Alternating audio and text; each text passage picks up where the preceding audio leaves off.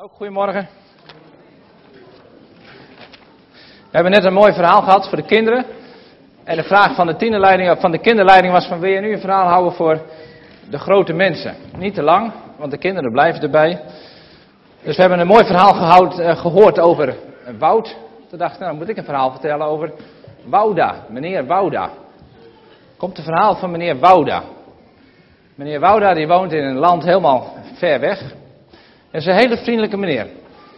En hij gaat in het noorden van het land gaat hij naar de kerk. Naar een wat evangelische gemeente met wat pinkstertrekjes of een pinksterkerk met wat evangelische trekjes. Nou, zo'n kerk gaat hij ongeveer naartoe. En dan voelt hij zich heel erg thuis. Het is heerlijk om thuis te komen in die gemeente en hij mag gewoon zichzelf zijn. Zoals hij is, zo mag hij komen elke zondagochtend. En het is een hele mooie gemeente. Het is een, een open gemeente. Waar mensen zomaar binnen mogen komen. Ze mogen een tijdje komen, langer komen, korter blijven. Ze zijn van harte welkom in die gemeente. Hij voelt zich heel erg thuis in deze open gemeente.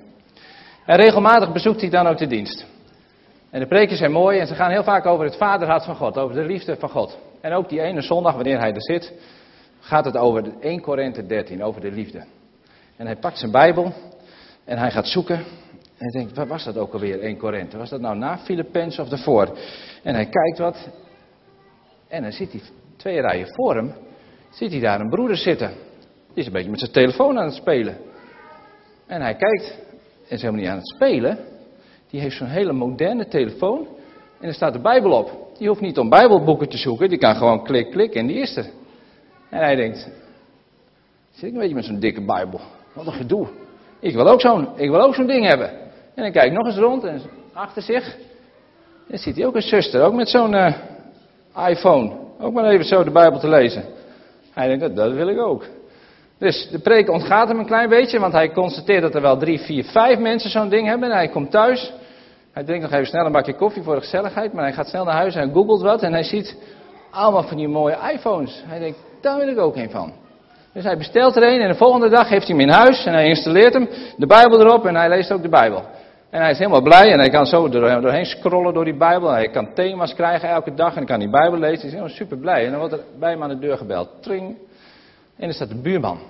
Nou buurman, hoe is het? Ah, helemaal goed, moet je kijken wat ik hier heb. En dan staat de Bijbel op mijn iPhone en zo. Oh, geweldig. De buurman blij. Zegt buurman, zegt de buurman.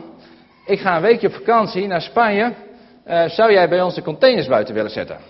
Natuurlijk wil ik dat wel. Maar het is dan nog geen zomervakantie. Nee, nee, nee, maar weet je, we hebben het hartstikke druk. En we zijn gewoon echt moe en we zijn gewoon toe om even een weekje weg te gaan. Een weekje naar Spanje. We gaan er gewoon even week tussenuit en in de zomervakantie zien we wel weer wat we dan weer gaan doen. Oh, oh, werkt dat zo? Ja.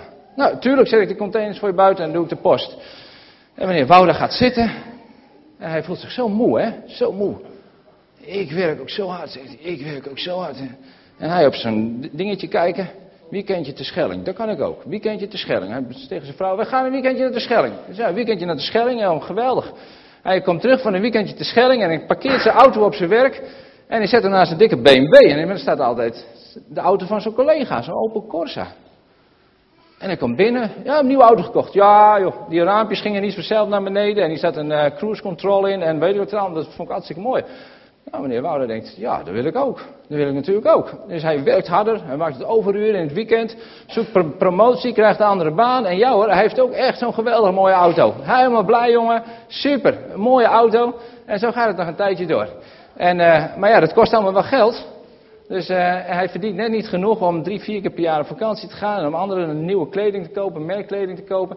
Dus hij doet er een klein handeltje bij. Hij ontdekt heel veel gemeenteleden, die lusten wel een wijntje. Dus hij begint in de wijnhandel. En daar verdient hij veel geld aan, jongen. Geweldig. Dus hartstikke druk. In het weekend druk met wijn en met andere dingen. Hij komt er ook niet meer aan toe om zondags naar de kerk te gaan. Want op zondagochtend is een mooi, mooi moment om even uit te slapen en om je administratie bij te houden. En zo gaat het week in, week uit. Maanden gaat het door. Totdat zijn vrouw op een gegeven moment zegt van... Er is zondagochtend een kinderdienst. En een van onze kinderen moet zingen. Vind je het ook leuk om misschien deze zondag toch nog mee te komen? Nou, hij kijkt dus in zijn agenda. Nou, vooruit. Dus hij gaat mee. En hij komt weer in die gemeente waar hij zich altijd thuis heeft gevoeld, waar hij altijd nog zijn wie hij was. En mensen heten hem van harte welkom. Zijn kinderen zingen een mooi lied. En er is een mevrouw die gaat naar voren toe. En die heeft een boek in haar handen en die vertelt een verhaal over, over Wout. Over Wout die zich thuis voelt bij zijn maker, bij Eli, boven op de berg. En uh, naar beneden gaat en dan verzeild raakt in allerlei dingen die hij allemaal zou moeten gaan doen. En meneer Wouda denkt, dit gaat over mij. Dit ben ik, dit ben ik. En Wouda leert daar een hele belangrijke, hele belangrijke les. En wat hij daarmee gaat doen, ga ik zo meteen vertellen. We hebben het verhaal gehoord hè, over Wouter en Wouda.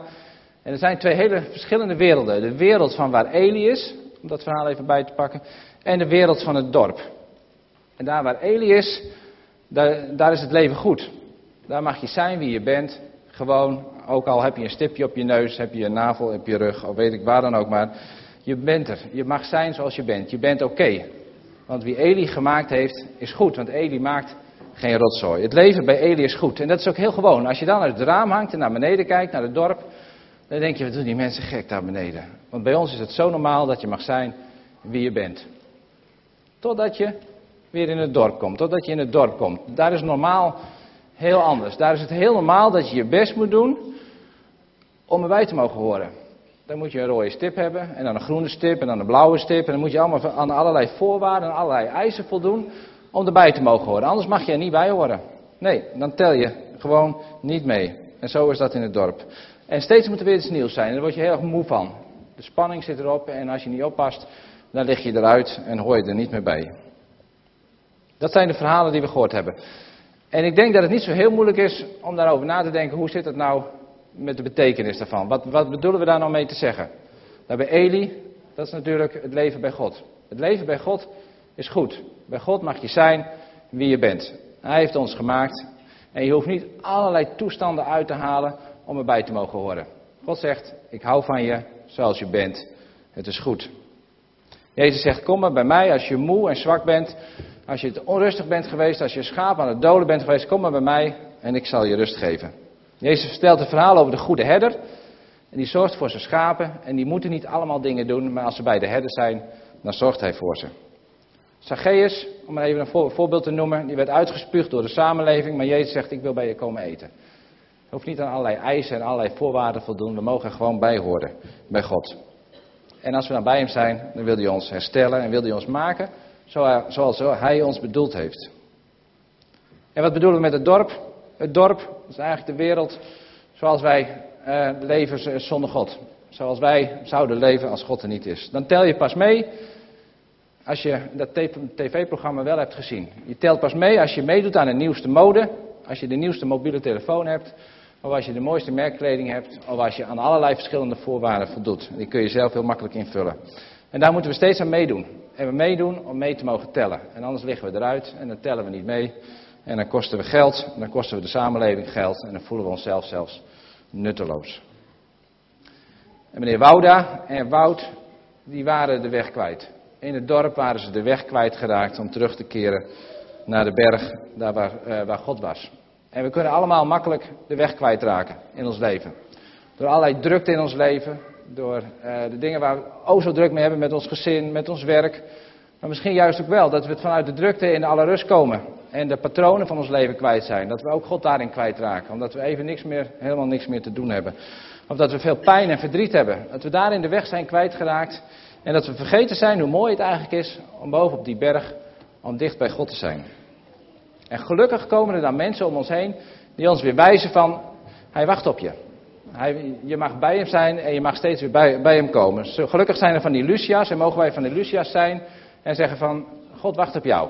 Bij de bron mag je steeds weer bij, je, bij hem komen. Dat snappen we allemaal. En toen je dat verhaal hoorde was het wel duidelijk. Maar ik ga het een beetje ingewikkelder maken. Want het wordt pas ingewikkeld als we al die gewoontes van het dorp meenemen de kerk in. Dus als we al die gewoontes van erbij moeten horen, als we dat meenemen de kerk in. Dat je pas in de kerk erbij mag horen als je op een bepaalde manier gedraagt, als je op een bepaalde manier dingen meedoet. Als je bij het zingen gaat staan en je hand omhoog gaat en denkt, dat is een goed christen zeg, die doet goed mee, die doet leuk mee. Of als je meedoet in het muziekteam, of als je meedoet aan het kinderwerk, of als je uh, zichtbaar heel dienstbaar bent voor de gemeente, dan pas ben je uh, een goed christen. En pas dan mag je echt meedoen. Of als je alle Bijbelboeken uit je hoofd kent, of als je je Bijbel meeneemt, of de nieuwste Bijbeleditie bij je hebt. Nou, zo zijn er misschien ook allerlei dingen bij ons in de gemeente. Waarvan je denkt van, nou, dan mag je er pas bij horen. En dan wordt het heel ingewikkeld. Want als het, dat wat normaal is in het dorp normaal gaat worden bij ons, in de kerk, dan raken wij de weg kwijt. Dan, dan raken wij verdwaald. En dan is het pas triest als je in de kerk de weg kwijtraakt naar God. Dat je God in je eigen kerk niet meer kan vinden. Dat je jezelf niet eens meer mag zijn in de kerk om God te vinden. Nou, dat is heel triest. Dus het is goed om ons steeds en elkaar aan te moedigen om een Lucia te zijn. Om elkaar aan te moedigen om steeds weer bij de bron te zijn. Om steeds weer naar de bron toe te gaan en bij God te zijn. Want dat hebben we zo hard nodig. Want als we niet oppassen, dan nemen we al die gewoontes in, vanuit het dorp nemen we mee. En die gaan we hier implementeren. En we denken, zo horen we kerkje te zijn. Maar eigenlijk moeten we dat overboord zetten en mogen steeds weer bij de bron zijn. En mogen bij God komen, omdat we dat zo ontzettend hard nodig hebben. Om steeds die liefde en die onvoorwaardelijke liefde van God te mogen kennen. En er gewoon te mogen zijn zoals we zijn. Als we God kwijtraken in de wereld om ons heen, dan kun je nog iets bij voorstellen. Maar als we God kwijtraken in de kerk, dan hebben we een heel groot probleem.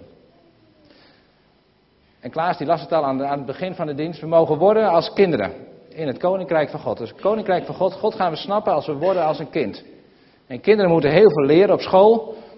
Maar als je volwassen bent, moet je ook heel veel dingen afleren om weer gewoon de eenvoud te snappen. En ik wil eindigen met een kort ander verhaaltje. Wat wel een beetje bij deze dienst past. En uh, bij het verhaal wat ik hield. Hoe oud ben je? Zeven, zei hij. Ze stonden vooraan in de kerk. De dominee en een koppeltje kinderen. Ze zouden naar de kindernevendienst gaan, naar de kinderclub, om in hun eigen kleine mensentaal het grote verhaal van Gods liefde te horen. Maar eerst, voordat het zover was, in hun eigen vertrouwde hoekje een kort gesprekje. De dominee zou preken over het volgen van Jezus in het leven van alle dag en dus ook in de keuze van je beroep. En wat ligt er dan meer voor de hand dan daar ook met de kinderen maar eens een klein praatje over te maken? Zeven jaar ben jij. Mooi. En wat wil je worden? De hele gemeente zat gespannen te kijken en te luisteren. Wat zou zo'n mannetje nu spontaan in de microfoon roepen? Piloot, politieagent, brandweerman, minister-president? Acht was het antwoord. Acht? Ach ja, natuurlijk, dat was weliswaar niet het antwoord dat de dominee en de gemeente verwacht hadden, maar correct was het wel. Wie zeven is, wil acht worden. Gegniffel in de kerk, leuk zo'n jongetje. Ja, natuurlijk, je wilt acht worden. Maar ik bedoel nu eigenlijk, wat wil je zijn als je later groot geworden bent? Even keek het mannetje de dominee aan. Het was alsof hij zich afvroeg wat de man in zijn toga het liefst van hem wilde horen. En toen kwam als een zonnestraal door donkere wolken zijn antwoord op de vraag: Wat wil je worden? Kort en krachtig klonk er door de kerk: Lief. Het gegniffel groeide aan tot een instemmend gegrinnik. Lief.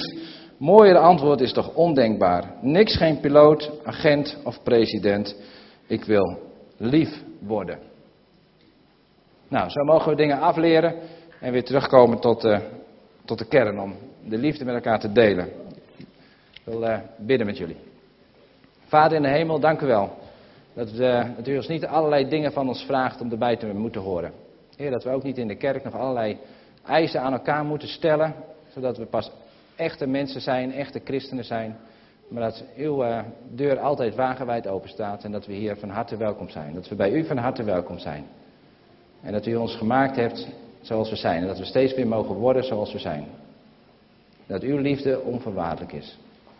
Heer, en zo bidden we een zegen over, uh, over de, de, dingen die we ervaren, die we, die we meemaken. Dat u ons steeds weer naar u toetrekken. Dat u ons steeds weer dicht bij u brengen. Zodat we uw liefde in ons leven ervaren en die liefde ook steeds mogen uitdelen aan mensen om ons heen. Daar danken we u voor, in Jezus' naam. Amen.